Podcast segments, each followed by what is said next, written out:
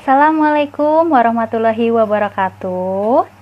Selamat malam teman-teman targa diri semuanya. Selamat akhir pekan dan selamat uh, bermalam minggu ya karena malam hari ini yaitu malam minggu kayak gitu. Tapi tidak melunturkan semangat teman-teman dari uh, targa diri untuk mengikuti live IG pada malam hari ini.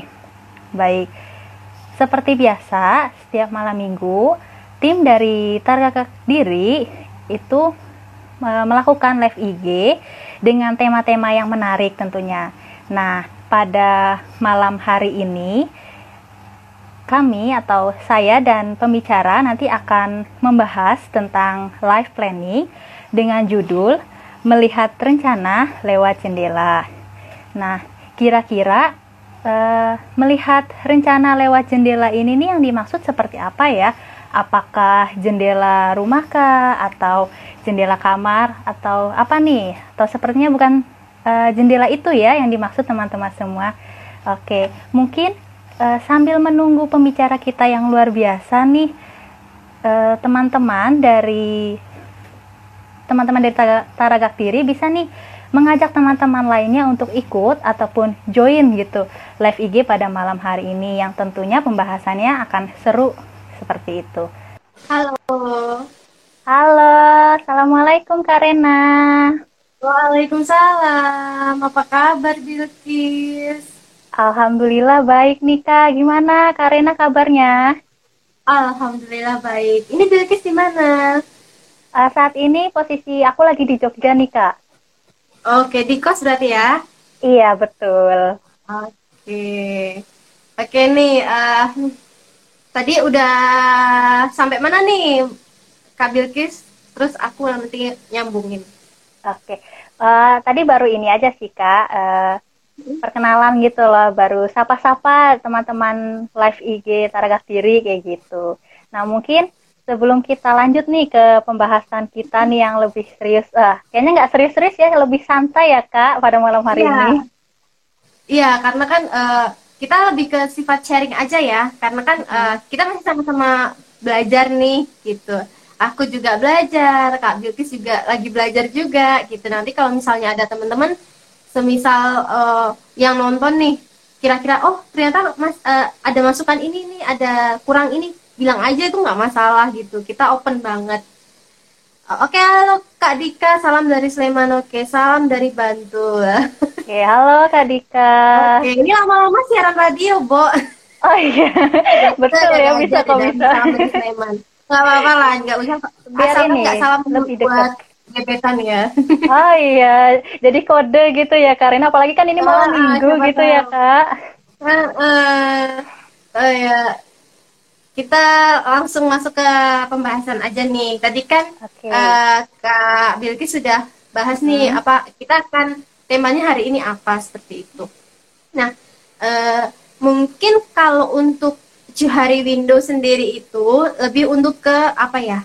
Uh, pengenalan diri gitu. Nah, hmm. kan ibaratnya kemarin akhir tahun tuh kita akhir tahun itu kita kan refleksi diri oh apa sih tahun ini aku tuh kurangnya? gitu ya. Apa sih evaluasi aku? gitu. Nah eh, kalau sekarang mungkin lebih ke gimana sih menyusun rencana ke depannya gitu. Nah eh, tapi sebelum masuk ke Johari Window atau jendela Johari itu tuh uh, life planning sendiri tuh apa sih gitu ya? Nah uh, ya betul tuh kak karena mungkin sebagian uh, penonton nih atau teman-teman dari Taraga Kiri belum tahu nih apa sih life planning mungkin masih asing kayak gitu. Mungkin ini Kak Rena bisa kasih tahu nih kita kita life planning itu apa sih Kak? Kayak gitu. Oke okay. life planning itu uh, seperti yang kita tahu kalau diterjemahkan ke dalam bahasa Indonesia adalah uh, perencanaan hidup ya. Nah life planning ini bersifat uh, dokumen yang pendek gitu. Jadi uh, lebih kayak mungkin bisa secara hard file atau soft file. Jadi dalam artian uh, kita bisa ketik tuh di komputer atau kita bisa tulis gitu di di papan tulis. Kita punya papan tulis di kamar atau kita punya buku planner sekarang gampang banget ya. Planner sekarang banyak yang jual gitu. Baik ya, dalam banget, bentuk kak. aplikasi HP hmm. ya kan ataupun dalam uh, hardbook. Jadi kayak apa uh, planner book gitu kan. nah, sebenarnya uh, minimal nih ya kurang lebih 8 halaman lah ya kalau misalnya dijabarin gitu uh, life planning itu kan perencanaan hidup kita ya dari uh, misalnya mau tiga bulan ke depan atau enam bulan ke depan, setahun ke depan, bahkan mungkin untuk sampai umur 60 tahun kita nanti gitu, itu itu adalah life planning gitu. Tapi life planning itu bisa berubah. Jadi catatan itu bisa berubah gitu. Karena kan uh, sebaik-baiknya kita berencana Allah yang menentukan ya. Sebaik-baiknya ya, kita berencana itu pasti ada faktor X yang uh, ibaratnya uh, kita tuh nggak bisa memperkirakan dan itu bisa aja berubah kapan pun. Kayak aku kemarin contohnya uh, life life planning secara garis besar hidupku ya. 2022 nih lulus nih aku uh, psikologi ya kan um, apa psikolog nih. Aku berpikir aku mau lulus dulu tuh S2 aku nih. Terus baru habis itu aku nikah nih oh baru habis itu nanti aku kerja nih gitu tapi kan uh, ibaratnya kita tidak bisa tahu rencana Tuhan ya alhamdulillahnya kemarin tahun 2020 dikasih rezeki jodoh gitu tahun 2021 aku dikasih rezeki anak gitu sekarang menyelesaikan yang planningku yang seawal nah itu tadi kan makanya aku bilang life planning bisa berubah kapan pun gitu nah terus uh, Kenapa sih kita butuh life planning? Karena kita tuh dalam hidup ada yang namanya drifting. Drifting itu adalah arus kehidupan. Nah, kenapa kita harus buat life planning, perencanaan hidup? Karena ada kita tuh kadang terlena dengan arus kehidupan. Apalagi kalau hmm. kita malas gitu. Maksudnya kita udah tahu nih rencana prioritas kita tahun ini adalah begini. Rencana prioritas kita uh, lima tahun ke depan adalah seperti ini, seperti ini, seperti ini tapi kadang ada rasa males kita yang buat kita jadi ah taruh ah ntar ah kayaknya aku enak deh di zona aku sekarang gitu yeah, karena banyak zona nyaman gitu ya kak yes bahkan aku sendiri kadang merasa aku terjebak di situasi nyaman gitu loh hmm. memang memang kan uh, karena kita tuh sebagai manusia ya karena manusia itu kan punya uh, insting insting terhadap sesuatu yang tidak mengenakan sesuatu yang berbahaya. Nah, karena kita melihat oh sesuatu itu tuh belum pasti, itu tuh belum jelas. Terkadang kita kayak nggak berani gitu loh untuk melangkah ke yang baru.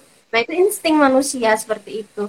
Nah, tapi kan kembali lagi, kita itu berusaha, kita punya planning, kita punya perencanaan itu untuk apa sih? Kita mengubah zona nyaman kita. Sekarang ini zona nyaman nih. Nah, dengan adanya life planning itu, kita lebih bergerak ke zona yang lebih nyaman lagi gitu loh gitu nah itu tadi adalah perencanaan gimana perencanaannya kita bisa nulis eh memang seharusnya ditulis sih sebenarnya ditulis karena kalau di dalam ingetan kita lupa, Bo. Iya. Berarti nggak boleh ngawang-ngawang gitu ya, Kak. Nanti kalau ngawang-ngawang macam uh, hari ini pengen begini, ntar tiba-tiba hilang kayak gitu. Mm-mm, kita nggak akan ingat gitu orang kita ibaratnya kadang aja uh, ada pekerjaan kita lupa gitu kan apalagi iya, rencana hidup yang krusial kayak gitu nah uh, gimana sih gitu gimana sih uh, bisa jadi catat. Ada bermacam-macam salah satunya dengan uh, fishbone ya. Fishbone itu uh, seperti tulang ikan misalnya perencanaan oh bulan ini mau gimana? Terus uh, kayak susur sungai gitu ya kan? Oh di batu ini nih umur kita keberapa? Oh di batu ini umur kita keberapa? Seperti itu bisa. Kata Kak Dika memperluas zona nyaman. Bener banget gitu jadi life planning itu sebenarnya memperluas zona nyaman kita. Biar kita tuh nggak stuck di satu tempat. Seperti itu Kak Bilkis. Oke.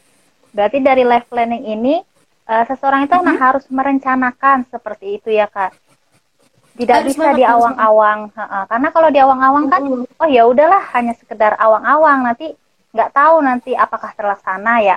Memang kan mungkin kak Rena sudah menyinggung gitu kan kalau misalnya kita yang merencanakan Tuhan yang menentukan. Tapi setidaknya kalau udah ada perencanaan itu kan oh lebih terarah seperti itu ya kak. Mm -mm. Mm -mm, bener banget. Bener banget. Oke. Okay. nah uh, mau tanya nih kak uh, terkait life planning ini nih yang udah dijelaskan sama kak Rena nih. Penting nggak sih life planning hmm. untuk kita nih gitu? Untuk aku untuk kak Rena dan teman-teman dari Taraga Kiri penting nggak sih kayak gitu? Penting banget ya pasti penting itu penting banget gitu. Karena kita punya prioritas nih. Misalnya uh, prioritas Bilkis sekarang uh, S1 ya? Masih ya, masih S1. masih iya kan? Masih. Nah pasti kan ada uh, prioritas nih. Oh di bulan sekian aku harus sudah KKN oh di bulan sekian aku sudah harus uh, punya proposal skripsi oh di bulan sekian aku udah harus penelitian. Oh di bulan sekian aku udah harus uh, sidang harus wisuda dan harus cari kerja dan lain-lain seperti itu. Nah itu kalau tidak kita rencanakan jujur ini pengalaman aku pribadi. Karena aku apalagi orangnya lupaan. Jadi kemarin itu udah lupaan terus uh, terlena gitu. Jadi aku bilang arus tadi itu. Aku uh, terkena arus. Arus uh, di mana aku seneng lebih seneng cari uang aku ya. tujuh bulan loh gak ngerjain aku tujuh bulan nggak ketemu dosen pembimbing skripsi waktu itu karena itu aku terlena aku ih gila iya dapat uang tuh enak banget loh asik banget nih kerja nih Oh, iya, apalagi uang sendiri gitu ya, kayak ada iya. kepuasan sendiri seperti itu. Bener banget. Dan dengan apa background aku yang dari dulu sudah terbiasa cari uang terus sama kuliah, jadi kayak wah enak banget nih gitu. Apalagi udah nggak masuk kuliah kan. Kuliah kan kita iya. dijadwal dari kampus iya, kan. kita kan skripsi menjadwalkan kita sendiri gitu. Nah itu loh harus harus itu harus di planning kalau nggak pengalaman aku adalah eh, tujuh bulan nggak ketemu dosen nih. Akhirnya dicari sama dosen. Tapi aku tidak gini aku kemarin tidak terlalu terbawa arus dalam artian uh, tujuh bulan aku nggak nggak bimbingan dosen tuh aku ngerjain aku penelitian kualitatif Kak Bilkis. Oh, sama Kak, aku juga. Kualitatif tuh Iya, jadi kan wawancara, wawancara, gali data. Sampai data itu jenuh, maksudnya jenuh dalam artian tidak ditemukan lagi. Jadi kan aku ambil data, ambil data terus. Itu yang aku lakukan, gitu. Jadi memang tujuh bulan aku kemarin tuh nggak nggak ketemu dosen, tapi aku sambil ngerjain. Ketemu sekali ini dicari dosen, udah setumpuk tuh kayak gitu. tapi itu jangan ditiru ya, jangan ya, ditiru iya. karena itu uh, apa lack of focus. Jadi aku tidak fokus dalam perencanaan aku. Padahal sebelumnya aku sudah merencanakan. Enak kok bisa bisa dengan uh, media apa pun, papan tulis, buku gambar, buku tulis ya kan, ataupun dari kita ngetik itu bisa. Uh -huh. Itu penting banget makanya. Berarti untuk membuat life planning itu ya memang sederhana ya kak, bisa dari eh, alat-alat yang kita punya, misal kayak buku tulis, buku gambar, hmm. ataupun papan tulis. Kalau misalnya di rumah ada papan tulis, seperti itu ya kak. Bener banget, semenariknya kita karena uh, kalau kita sendiri kayak ah aku pengen buat begini, jadi kan kita nggak bosan kan ngeliatinnya dan dipampang, ditaruh di tempat yang sering kita lihat gitu. Kalau uh, bahkan aku punya kakak senior dulu, uh, kakak senior di SMK, dia tahu nggak di langit-langit uh, kamar ditempel hmm.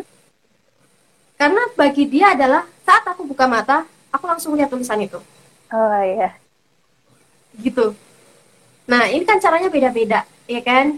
Caranya beda-beda nih. Ada yang caranya mungkin Bilkis uh, punya cara sendiri. Begitupun juga aku. Apalagi sekarang aku udah punya uh, pasangan gitu.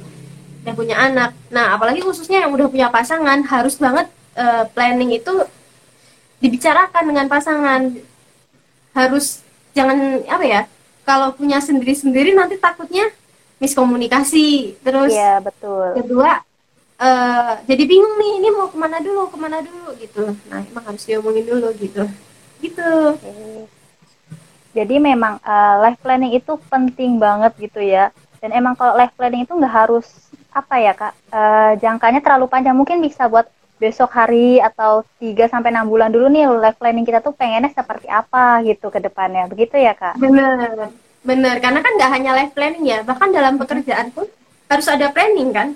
Iya. Apalagi betul. khusus yang people oriented. dalam people oriented itu adalah uh, lebih kayak kita punya target seperti marketing atau misalnya CS atau misalnya uh, apa ya yang kita harus berhubungan langsung dengan orang gitu kan.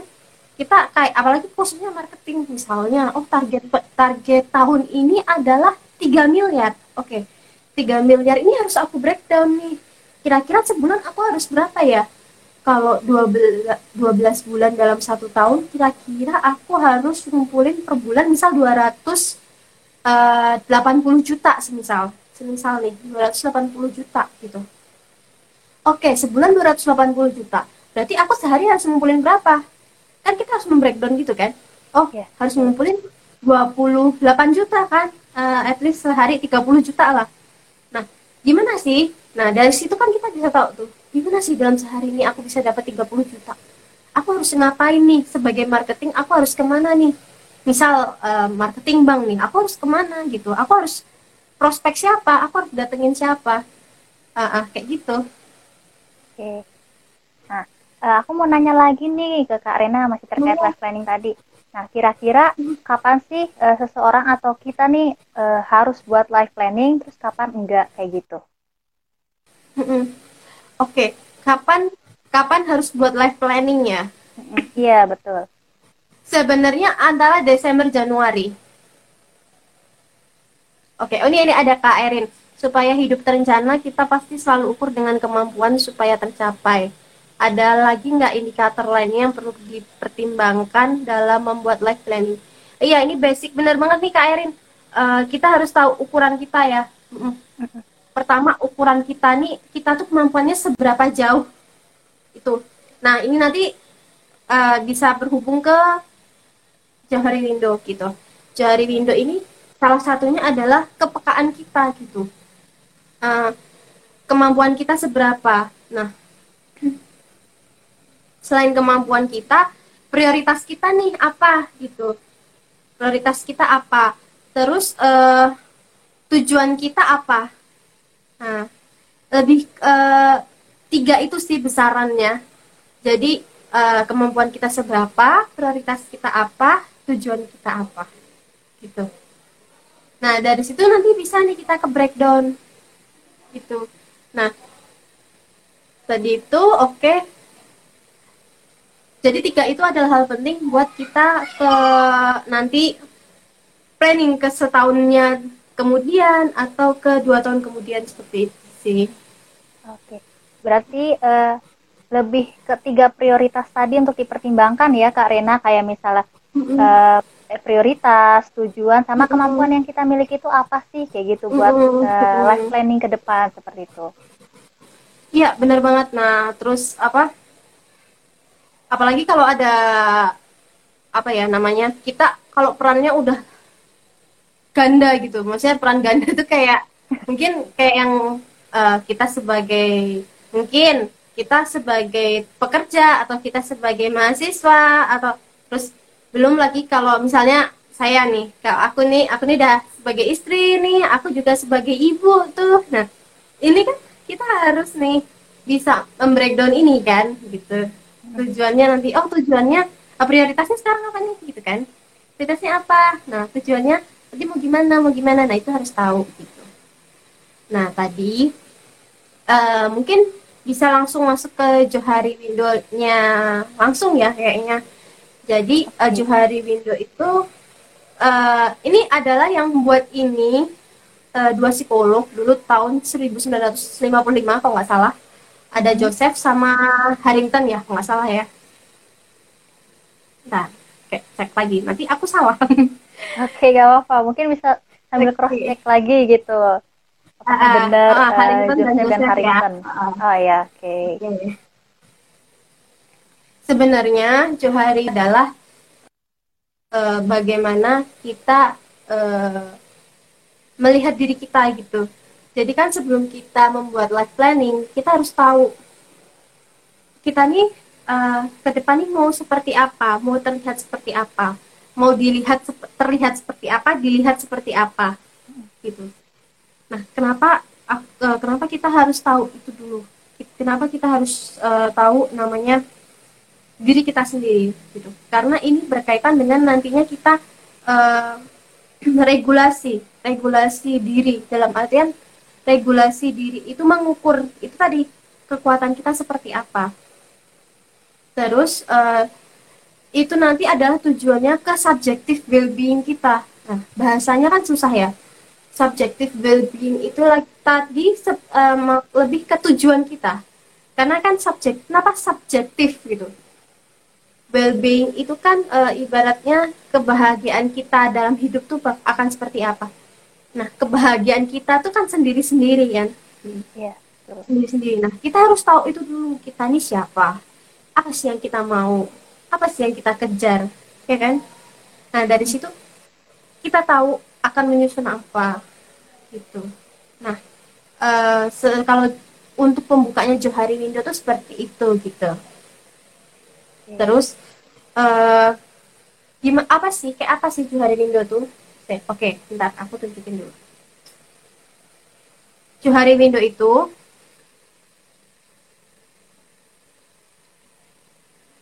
materi masuk gak salah oh dari KR ini. Materi masuk gak salah satu hal yang harus kita pertimbangkan materi masuk gimana gimana nih? Saya, saya aku aku belum belum nangkap pertimbangan dalam membuat life planning uh, mungkin yang dimaksud kak Erin ini materi sebelum kan kita membahas tentang life planning kak. Jadi dari life planning ini uh-huh. bisa uh, ada kaitannya dengan uh, teorinya Johari Window ini seperti itu. Seperti itu bukan ya kak Erin? Mungkin bisa di uh, cross check lagi oh, kayak gitu. di Erin ya.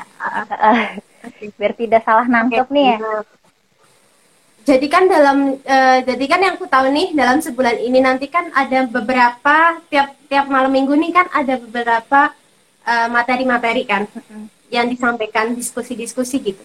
Nah karena uh, dari admin tadi aku dibilang adalah pertama pem, apa maksudnya uh, apa masih awal-awal jadi lebih ke kita tahu dulu nih planning kita gitu seperti itu planning kita maksudnya uh, diri kita sendiri itu seperti apa dari hasil renungan-renungan kemarin gitu. Nah, Johari Window ini lebih semacam kayak membreakdown ya, membreakdown hmm. lagi karena uh, kan tidak hanya diri kita yang tahu siapa kita, tapi orang lain juga melihat sisi kita. Ada yang kita tahu orang lain tahu, ada yang kita nggak tahu orang lain tahu, hmm. ada yang kita tahu sendiri tapi semua orang nggak tahu. Nah. Jadi Johari window itu bentuknya kayak jendela kayak ini nih. Ini nggak tahu ya kelihatan apa enggak nih. Uh, mungkin aku matiin dulu. Hmm, kelihatan nggak? Uh, nggak begitu kelihatan sih kak. Nggak kelihatan ya? Uh, uh, karena Sebentar. terlalu terang mungkin ya. Oh iya, sih,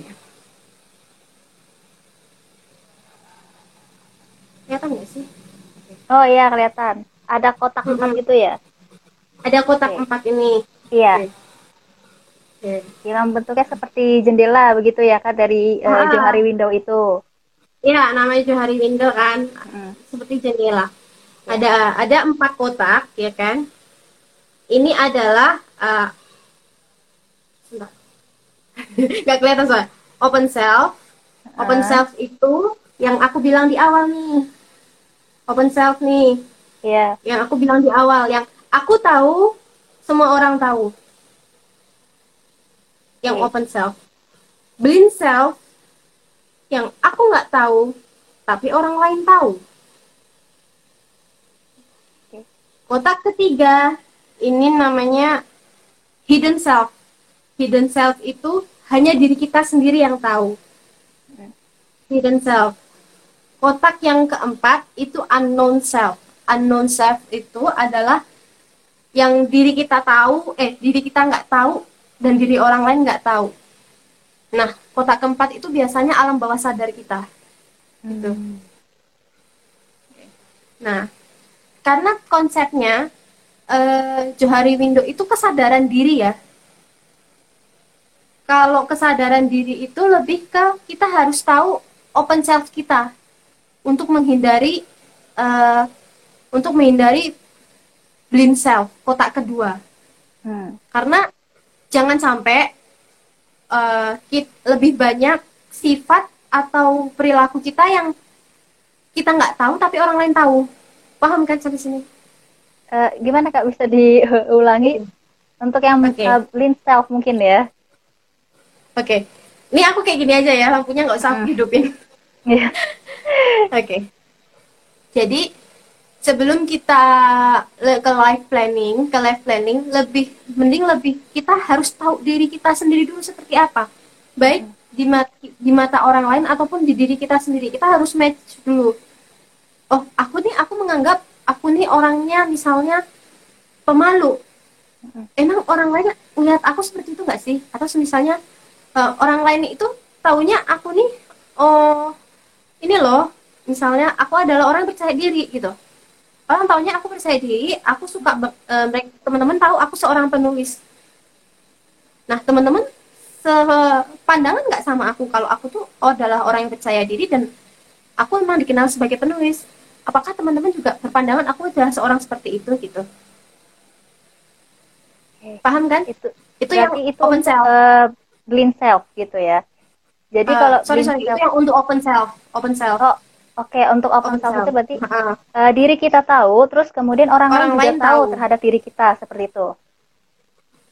Diri kita dan orang lain tahu. Iya. Yeah. Itu okay. open self. Kotak pertama. Oke, okay. ini kita bahas kotak pertama. Nah, kotak pertama itu kita tahu orang lain tidak tahu. Kedua, uh, orang lain tahu tapi kita tidak tahu. Orang lain dan itu harus kita tanyakan. Eh, emang kalian melihat aku seperti apa sih? Misal jangan jauh-jauh ya kita tanya dulu sama sahabat kita eh menurut kamu apa sih yang uh, kamu lihat dari aku yang bahkan aku sendiri nggak tahu gitu misalnya tem sahabat kak sahabat Bilkis bilang nih kamu nih orangnya pemarah Ren gitu oke okay. hmm. selain pemarah apa nih ah kamu nih orangnya nggak sabaran Ren oke okay, aku notes itu gitu loh. Aku catat itu. Aku orangnya pemarah dan nggak sabaran menurut uh, temen aku menurut sahabat aku. Terus yang ketiga gitu. Yang ke kotak ketiga nih kotak ketiga itu adalah diri kita yang tersembunyi. Jadi cuman kita yang tahu. Hmm. yang kita tahu tapi orang lain nggak pernah tahu itu.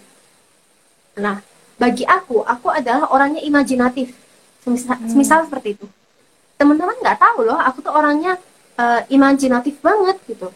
Imajinasiku tuh tinggi banget gitu. Aku bisa beri dengan aku hanya diberikan satu kata semisal aku tuh bisa sampai mana-mana loh aku berpikirnya. Nah itu kan nggak semua orang tahu. Dan bisa jadi itu yang uh, kita sembunyikan dan nggak pengen orang lain tahu entah itu sebagai kelemahan ataupun sebagai kekuatan kita. Oke teman-teman anak psikologi nih yang lagi nonton kalau misalnya pernyataan aku atau penjelasan aku kurang tepat uh, atau teman-teman yang udah pernah baca jurnal boleh banget aku dibetulkan gitu nggak masalah. Karena kita sharing ya uh, aku ya, tidak ya, betul. menggurui gitu karena aku masih belajar juga.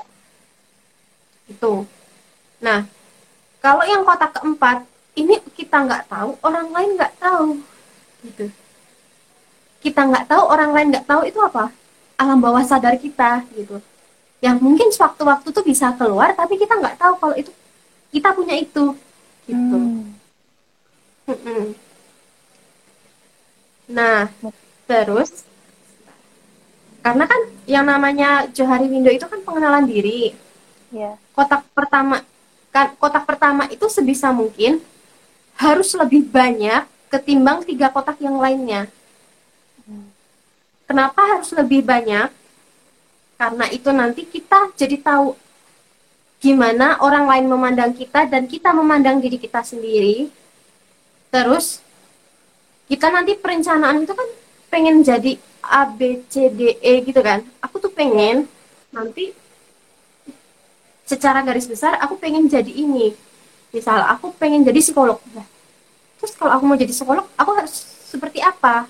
Aku harus menampilkan uh, Rena harus mengambilkan Rena yang seperti apa gitu ya dari sini udah nangkep belum sudah oke okay. kalau kalau belum ngerti uh, bilang aja belum ya karena kan uh, kalau misalnya Bilkis belum paham berarti banyak nih teman yang belum paham gitu oke okay. uh, mungkin Jadi, sebelum uh, dilanjut nih kak sebelum hmm. dilanjut hmm.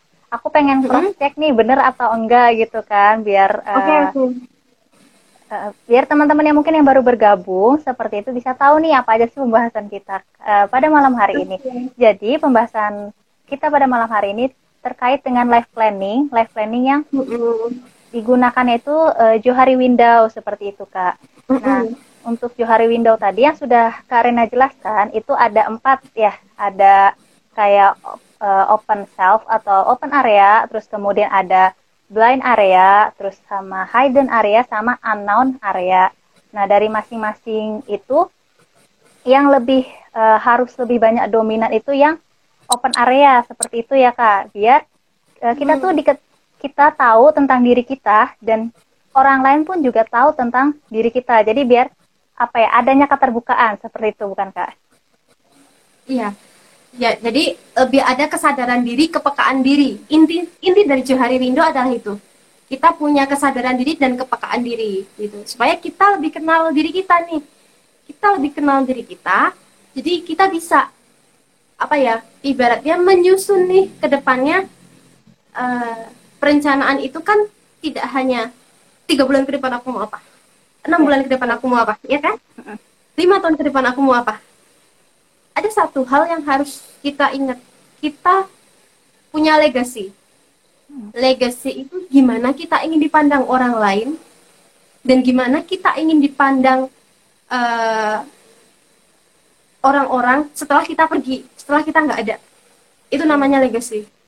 Ya, nah, situ. Kita mau seperti apa? Kita ingin dilihat seperti apa? Nah, kita susun dulu nih Johari Windo nih dari sini nih, gitu. Dari kita nih uh, sifat aku uh, diri aku itu nggak hanya sifat ya di hari Indo itu. Sifat aku uh, terus hobi aku gitu. Uh, terus sebagai profesional aku tuh dikenal sebagai apa? Misal uh, misalnya misalnya Bilkis Bilkis dikenal sebagai uh, insya Allah ya nanti. Bilkis dikenal sebagai psikolog klinis. Orang-orang tuh kalau mau ke psikolog ke Bilkis gitu. Gitu ya kan? Terus uh, nah usaha Bilkis untuk jadi psikolog klinis ini kan harus sudah membranding diri juga. Harus ya. direncanakan juga. Nah sebelum merencanakan itu kita harus bikin dulu oh aku nih seperti ini gitu loh. Aku nih seperti ini aku yang sekarang seperti ini toh ternyata di mata sahabatku di mata teman-temanku padahal aku tuh pengen loh dikenal sebagai Bilkis yang uh, pendengar uh, aku mendengarkan orang lain aku ada untuk teman-teman aku yang butuh. Tapi sedangkan kata sahabat aku aku masih kurang sabaran nih. Berarti kan masih nggak sinkron. Kita ingin menjadi apa yang kita inginkan kan nantinya. Yeah. dia lebih masuk ke situ ya. Okay. ya paham ya. Gitu. Oke okay, paham kak. Berarti emang uh, setidaknya kita tahu gitu bahwa oh diri aku tuh seperti misalnya kayak sabar terus suka mendengarkan orang lain. Nah tapi orang lain tuh juga tahu bahwa oh misalnya uh, yang tadi Kak Rena udah jelaskan oh si Bilkis tuh emang uh, orangnya sabar ya terus kayak bisa hmm. mendengarkan orang lain misalnya seperti itu contohnya. Dan dari Johari Window tadi tuh emang tadi ada salah satunya ini ya kak mungkin uh, blend area ya kalau tidak salah yang Mm-hmm. Uh, misalnya Bilkis nggak tahu nih, tapi orang lain tahu tentang diri Bilkis kayak gitu. Itu juga bisa jadi masukan juga buat uh, diri kita kayak gitu. Jadi dari masukan mm-hmm. itu jangan apa ya, oh ternyata aku begitu ya. Jangan kayak gitu ya teman-teman. Mungkin bisa jadi introspeksi diri kayak gitu. Bener banget, bener banget. Karena kalau karena kita kalau mau maju emang harus terima masukan dari orang. Tapi kan nggak iya, semua betul. orang kan, nggak semua orang yang tiap ih Rena begitu, ih Bilkis tuh gitu loh, kayak gitu. Uh, mungkin yang harus lebih kita dengarkan itu adalah semisal uh, orang terdekat kita dari sahabat apa pun misal yang paling tahu kita itu kan kalau belum belum punya partner nih orang tua dan sahabat sahabat kalau kita udah udah punya partner yang tahu diri kita tuh pasangan kita lebih tahu itu pasangan kita ketimbang uh, orang tua sahabat bahkan anak misal kalau ada anak gitu kan ya pasangan kita. Kita tanya dari situ gitu. Nah kurangnya apa? Nah justru uh, justru justru yang dari terdekat itu justru yang lebih tahu gitu. Terus kalau misalnya kita juga tidak boleh uh, total menutup uh, telinga dari orang luar. Misalnya misalnya kita lagi live gini ternyata ada yang ngasih masukan ke aku eh Rena kamu ternyata masih begini begini begini ya oh kita harus menyaring dulu gitu kita harus bisa nyaring uh, mana yang bisa membangun untuk kita mana yang justru menjatuhkan kayak gitu nah, okay.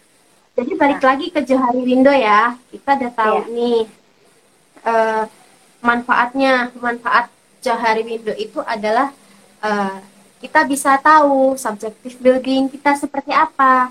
Apa tuh subjective building? Nah, dengan kita tahu siapa diri kita, kita tahu kita mau jadi apa. Gitu. Itulah nanti kebahagiaan kita tuh gimana.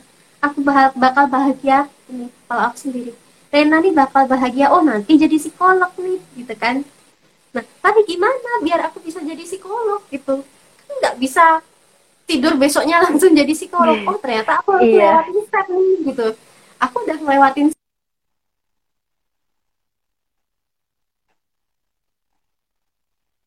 Oke, okay, uh, eh, teman-teman mungkin ini uh, jaringan Karena kurang bagus kayak gitu. Halo Karena? Halo? Iya, oke. Okay. Tadi sempat ini Kak, sempat terputus gitu. Oh, ya, sinyal ya. Iya. Nah, aku mau jadi psikolog. Aku bahagia kalau aku bisa nyelesain kuliah aku, aku jadi psikolog kan. Oke, aku jadi psikolog nih. Uh, step aku tuh berapa langkah ke depan lagi sih?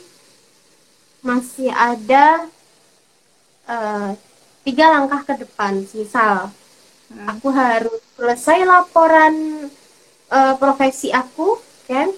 Aku harus selesai laporan tesis aku, dan aku harus uh, sidang wisuda gitu kan? Baru aku jadi psikolog gitu kan? Nah. jadi uh, tapi kan selain selain secara administratif aku juga punya harus ada kualitas yang harus aku upgrade untuk aku bisa jadi yang namanya psikolog gitu. Oke selain aku punya uh, titel psikolog ke lulusan psikologi sikapku tuh kan harus mengarah ke psikolog ya. Apa nih yang harus aku perbaiki gitu?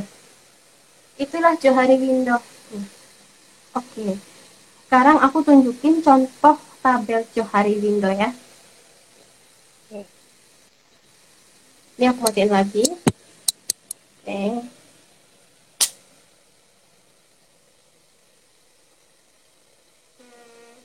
saya Nah, mungkin uh, sambil menunggu Karena menyiapkan contoh dari tabel Johari Window, boleh nih teman-teman dari Taragafiri yang sudah bergabung di live IG pada malam hari ini yang pengen bertanya terkait uh, materi pada hari ini ya Karena bisa langsung tulis di kolom komentar kayak gitu. Nanti akan uh, dijawab langsung oleh pembicara kita yaitu Karena.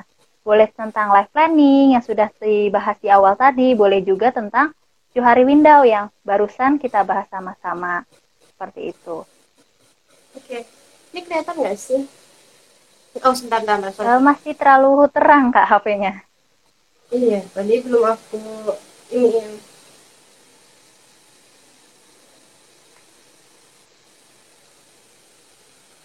Hmm. Maaf ya. Kelihatan nggak sih? Eh, iya kelihatan. Empat kotak okay. gitu ya kak?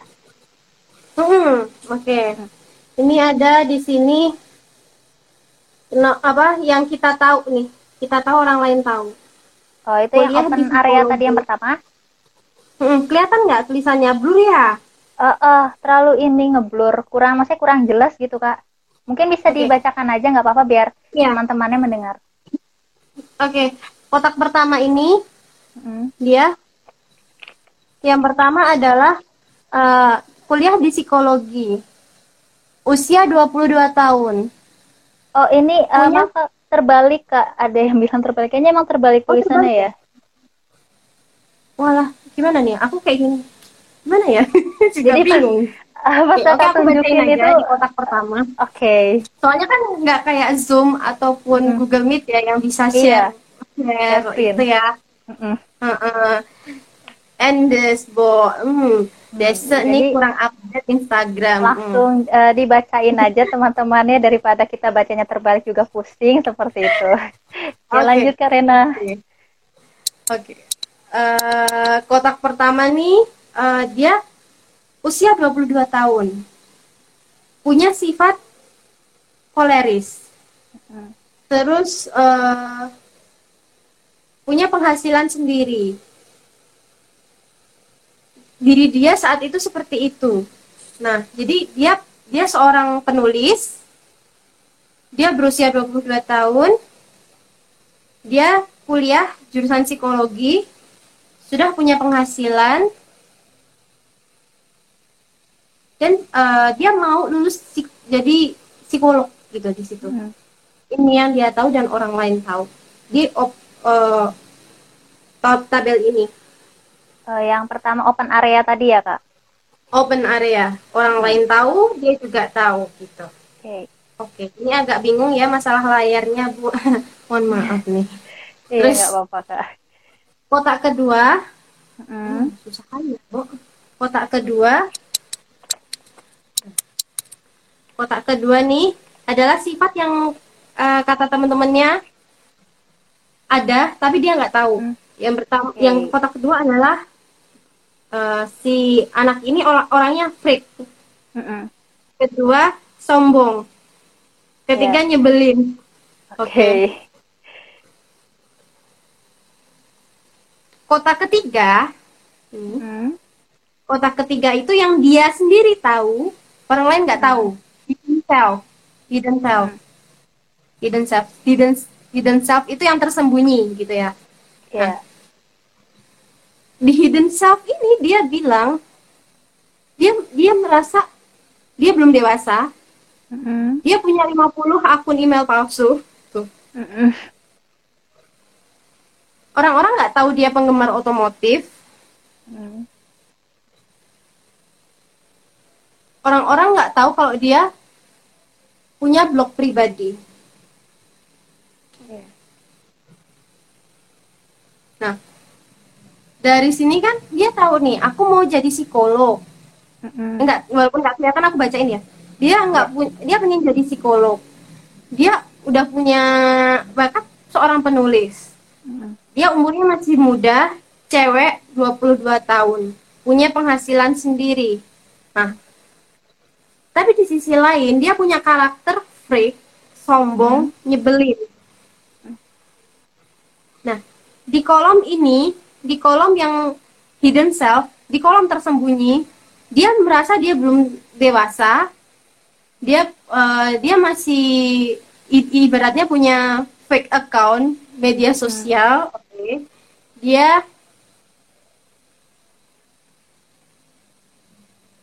dia penggemar otomotif di sini ya. Berarti kan ada yang harus difiksasi, difiksasi itu dibetulkan. Kalau hmm. dia kalau dia pengen jadi psikolog berarti dia harus ngilangin sifat-sifat yang ini nih yang teman-temannya bilang. Yang ada di blind area tadi ya kak? Di blind area ini. Mm-hmm. dan sebisa mungkin kita harus menipiskan blind area ini. Mm-hmm. jadi kita har- harus lebih banyak hal yang kita ketahui dan orang lain ketahui daripada kita nggak tahu tapi orang lain tahu. Oke. Okay. karena apa Konsepnya Johari Windu adalah kesadaran diri. Membuka kepekaan diri. Semakin kita peka sama diri kita sendiri, mau kita sendiri, berarti kita tahu kita ingin bahagia hidup yang seperti apa. Kita tahu tujuan kita mau seperti apa. Gitu. Ya, intinya Johari Windu seperti itu sebenarnya. Dan itu tadi contohnya ya. Gitu. Oke, berarti dari Johari Window itu yang sudah Kak Rena jelaskan mungkin ya balik mm-hmm. lagi ke individu masing-masing itu emang harus peka kayak gitu ya Kak. Dan emang harus tahu dirinya tuh seperti apa terus dirinya pengennya bagaimana kayak gitu. Terus kalaupun ada kayak masukan dari orang lain yang tadi ada di kotak blind area itu kan diri kita nggak tahu nih. Nah itu kan orang lain tahu. Nah sebisa mungkin dari blind area itu ditipiskan kayak gitu ya jadi lebih iya. uh, apa ya memperbesar kotak yang open area tadi seperti itu. Mm-mm, karena kuncinya itu tadi, aku selalu balik ke satu itu. Kuncinya adalah kesadaran diri. Gitu. Okay. Semakin kita peka sama diri kita sendiri, kita kita semakin tahu diri kita tuh seperti apa. Mm-hmm. Kita itu karakternya gimana, kita maunya kayak kayak apa. Jadi kita bisa ngetrit diri kita sendiri uh, sesuai apa yang kita mau gitu karena lebih lebih utama adalah kita peka sama diri kita sendiri kita nggak nggak mungkin kan ke orang lain mm-hmm. buat peka ya kan emang gitu. harus uh, kita dulu lah yang peka buat diri kita sendiri sebelum orang lain itu peka terhadap diri kita gitu mm-hmm. nah dari situlah baru kita bisa merencanakan uh, jangka pendek ataupun jangka ke depan mau seperti apa yang terkait gitu, life ya. planning yang sudah dijelaskan mm -hmm. tadi. Oke. Okay. Nah, apalagi ini nanti kalau mm -hmm. ya gimana gimana? Uh, dilanjut dulu aja kak. Ini soal tadi ada pertanyaan mungkin nanti setelah Karen yang menjelaskan. Oh, oh sorry, aku sambil baca ya ini. Oh ya. Jadi Windows ini lebih ke sifat yang harus diketahui. Iya bener banget. Johari window ini lebih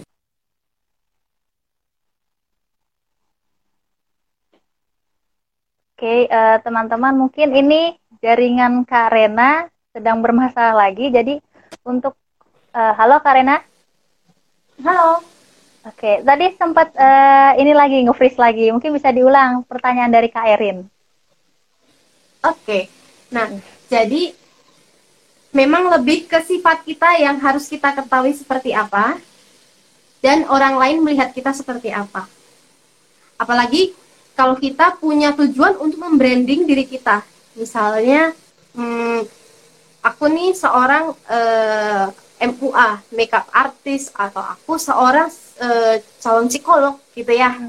Nah, berarti kan aku harus membranding uh, diri diri aku uh, sebagai psikolog harus seperti apa sih, gitu. Harus ramah kah? Harus uh, jadi pendengar yang baik, kan? Harus sabar, gitu ya oh tapi aku masih belum sabar loh. Aku masih marah nih? Gimana gitu. Iya. Nah itulah kita berproses ya kan? Life mewujudkan life planning ini berproses gitu. Gitu. Jadi uh, seperti itu ya kak Erin mungkin. Uh, kak Erin apakah sudah terjawab gitu pertanyaan dari kakak gitu?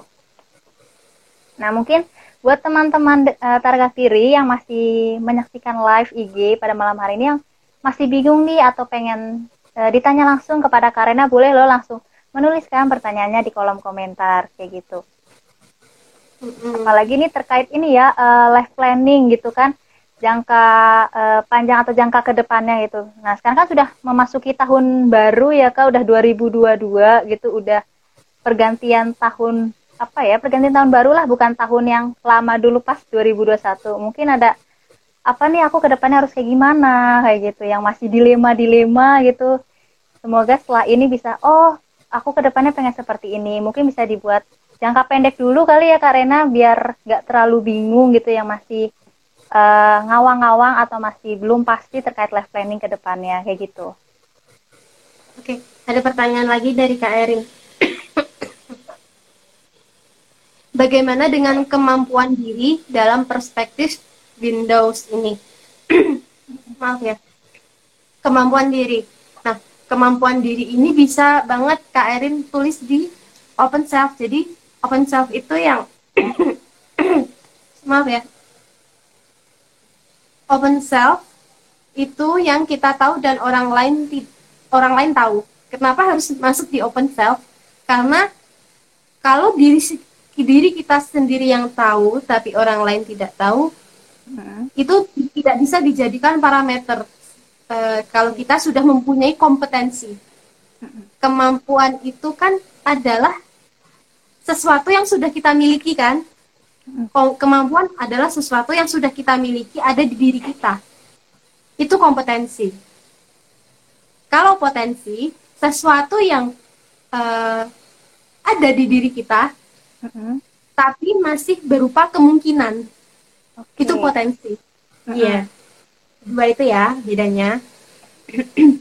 Oke, okay, makanya uh, mungkin kemampuan ini jatuhnya masuk ke kompetensi nih, gitu. Kemampuan diri dalam perspektif Windows ini harus ada validasi.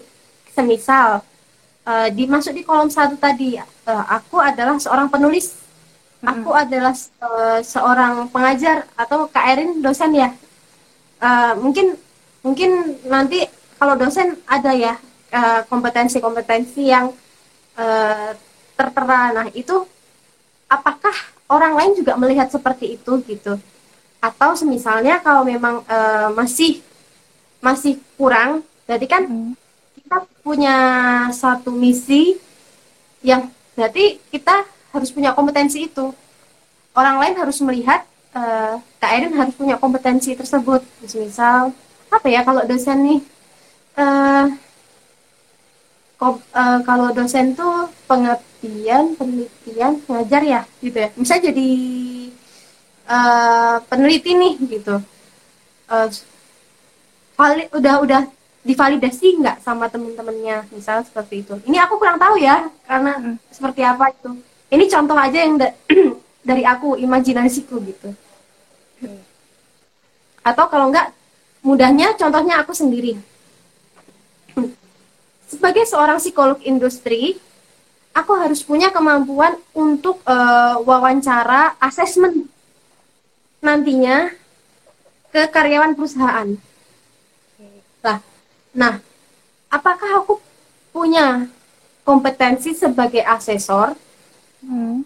Kalau aku merasa aku punya, apakah orang lain juga merasa melihatnya aku aku memang berprofesional sebagai asesor.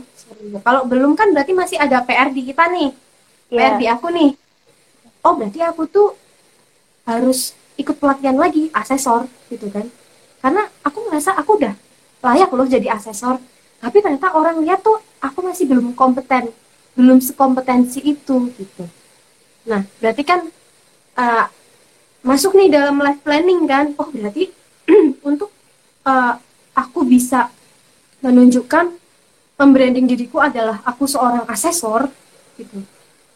Berarti aku harus ikut lagi pelatihan di tahun entah tiga bulan ke depan, entah enam bulan ke depan.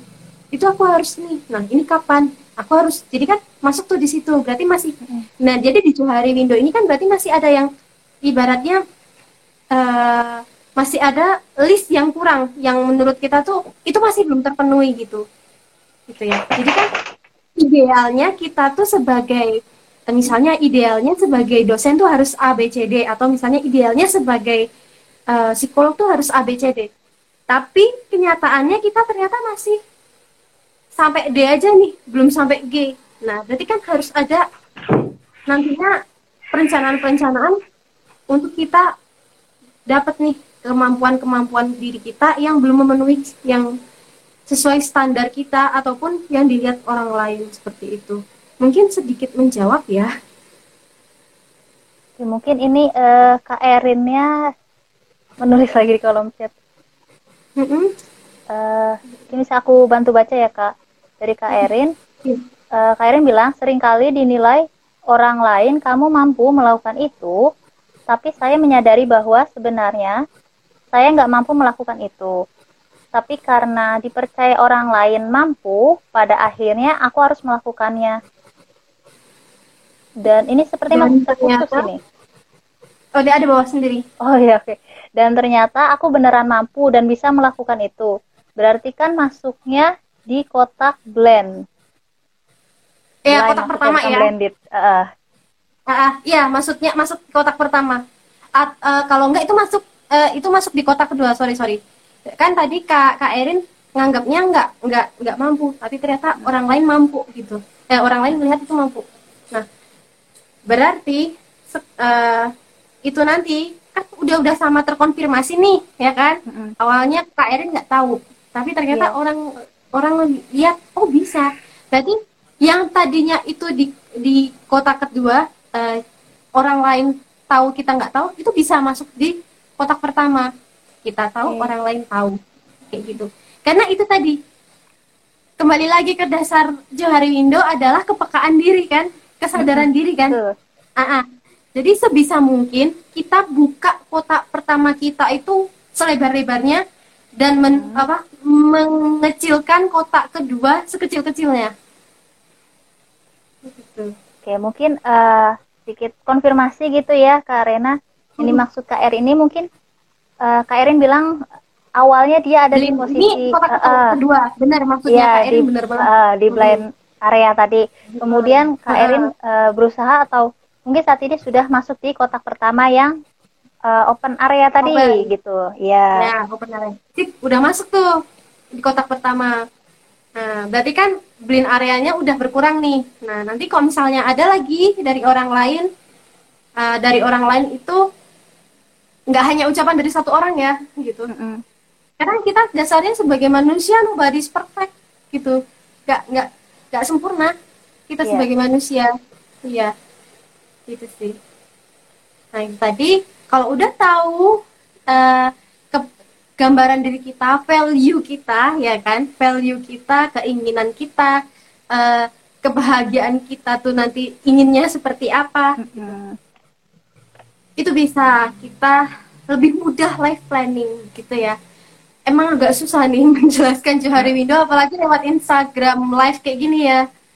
Susah banget. Mohon maaf kalau teman-teman belum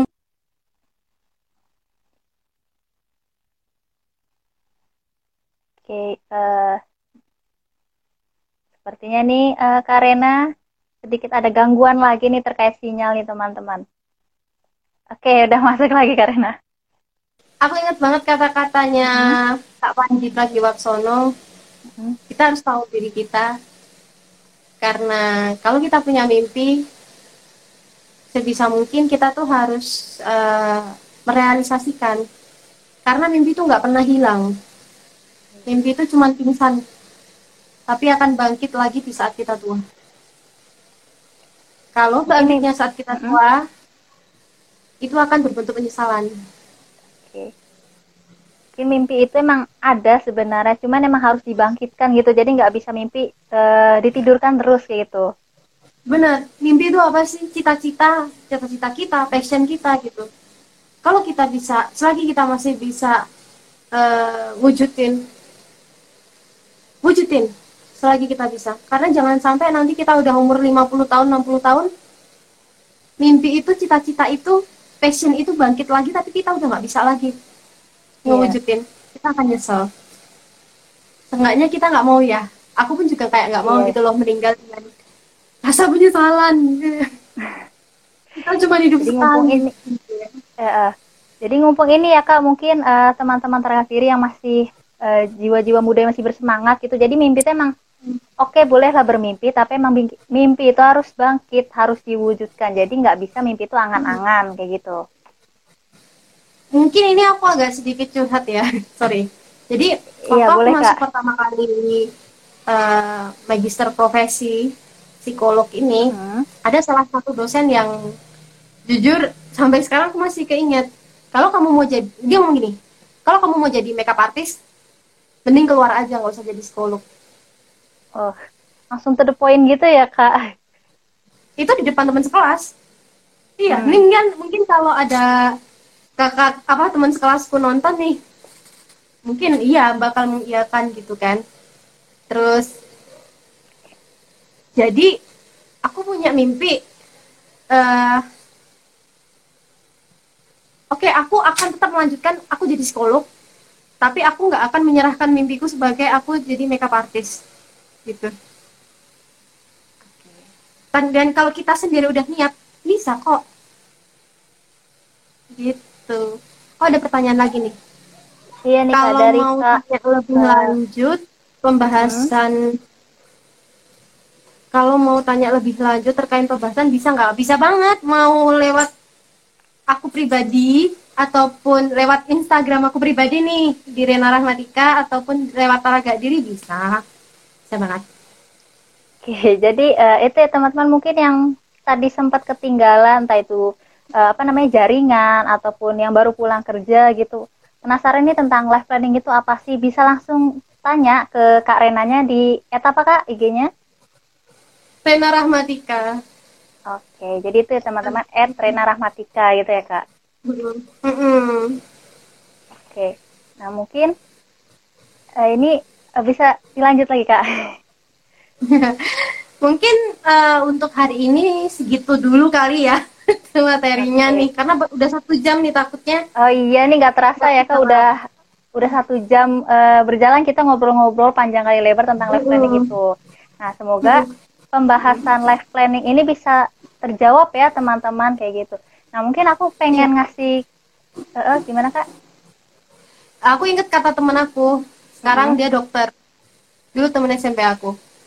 Uh, kita belajar atau diskusi walaupun itu hanya lima menit tapi itu bisa masuk ke otak itu lebih berharga daripada kita ngomong berjam kita belajar kita diskusi berjam-jam tapi nggak ada yang masuk sama sekali ya betul oke nah mungkin selanjutnya aku pengen ngasih ini uh, kesimpulan atau closing statement gitu dari uh, penjelasan yang udah Kak Rena sampaikan terkait life planning uh, pembahasan pada hari ini jadi mungkin life planning itu merupakan suatu perencanaan yang dibuat oleh individu itu sendiri nah perencanaan itu bisa kayak tiga bulan, enam bulan, atau satu tahun ke depan, atau bahkan bisa perencanaan jangka pendek ya seperti itu kak. Nah untuk perencanaannya itu bisa dibuat uh, alat yang ada di sekitaran kita nih, misal kayak buku tulis, buku gambar, atau papan tulis, semisal di rumah ada papan tulis seperti itu. Terus terkait dengan Johari Window, itu emang dibuat lebih kepada kepekaan diri sendiri kayak gitu. Nah, untuk Johari Window tadi yang sudah Karena sampaikan itu ada empat macam yaitu ada open area, terus ada blind area, hidden area, dan unknown area. Mungkin itu saja kesimpulan eh, pembahasan pada hari ini kayak gitu. Nah, terima kasih kepada Karena nih yang sudah mau meluangkan waktunya di malam minggu ini. Biasanya malam minggu mungkin uh, me time gitu kak atau ngumpul bareng keluarga, tapi kita ganggu gitu kak buat uh, yuk karena kita ngobrol-ngobrol tentang life planning uh, buat teman-teman targa kiri kayak gitu. Nah terima kasih juga kepada teman-teman targa kiri nih yang setia uh, menonton atau menyaksikan live IG dari awal sampai akhir kayak gitu. Nah buat teman-teman yang mungkin baru bergabung atau ketinggalan uh, tadi bahas apa sih live planning itu, apa sih Johari Window itu akan ada apa namanya tayangan ulang atau siaran ulang bisa cek di Instagram @taragatiri. Nah, selanjutnya untuk teman-teman yang saat ini kayak gitu kan uh, sedang mencari atau ingin konsultasi gitu bisa langsung aja menghubungi uh, Instagram di maksudnya di link bio Instagram @taragatiri. Nah, itu langsung diklik aja bionya langsung menghubungi adminnya kayak gitu. Nah, mungkin sebelum kita tutup nih Karena mau kasih uh, pesan-pesan gitu buat teman-teman targa kiri yang udah hadir untuk menyaksikan kita nih. Silahkan Kak. Oke, okay. uh, ini moto aku pribadi. Musuh yang paling besar dan harus kita lawan, musuh yang ada di, di diri kita sendiri, hawa nafsu kita. Itu aja sih. Moto yang baik sekali ya, semoga uh, apa yang disampaikan karya ini bisa bermanfaat untuk kita semua. Oh ya, ini mungkin ada uh, dari Kak Dika nih, Kak Dika bilang, Kak Akmal Dika bilang, Kak Rena kalau Sabtu malam memang buat acara salam diri kok, oke. Okay. Jadi ini emang meluangkan waktunya gitu ya buat uh, acara live di Tarakan Diri begitu ya Kak?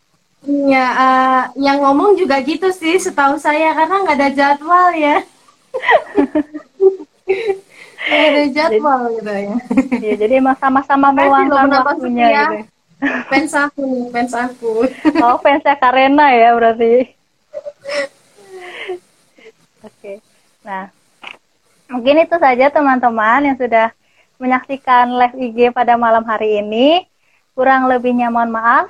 Uh, sebelum ditutup saya pribadi uh, mohon maaf apabila selama pelaksanaan live berlangsung terdapat kekurangan ataupun kesalahan baik dari tutur kata ataupun perilaku. Dan uh, mungkin karena juga uh, apa ya mohon maaf gitu kalau misalnya ada salah-salah kata juga kayak gitu. Karena emang Aku juga. tadi sudah mohon ya, maaf ya ya emang tadi kata karena pun manusia itu nggak ada apa luput yang dari sempurna. kesalahan seperti itu ya nggak ada yang sempurna seperti itu. oke teman-teman terima kasih mungkin sampai bertemu di live IG selanjutnya terima kasih teman-teman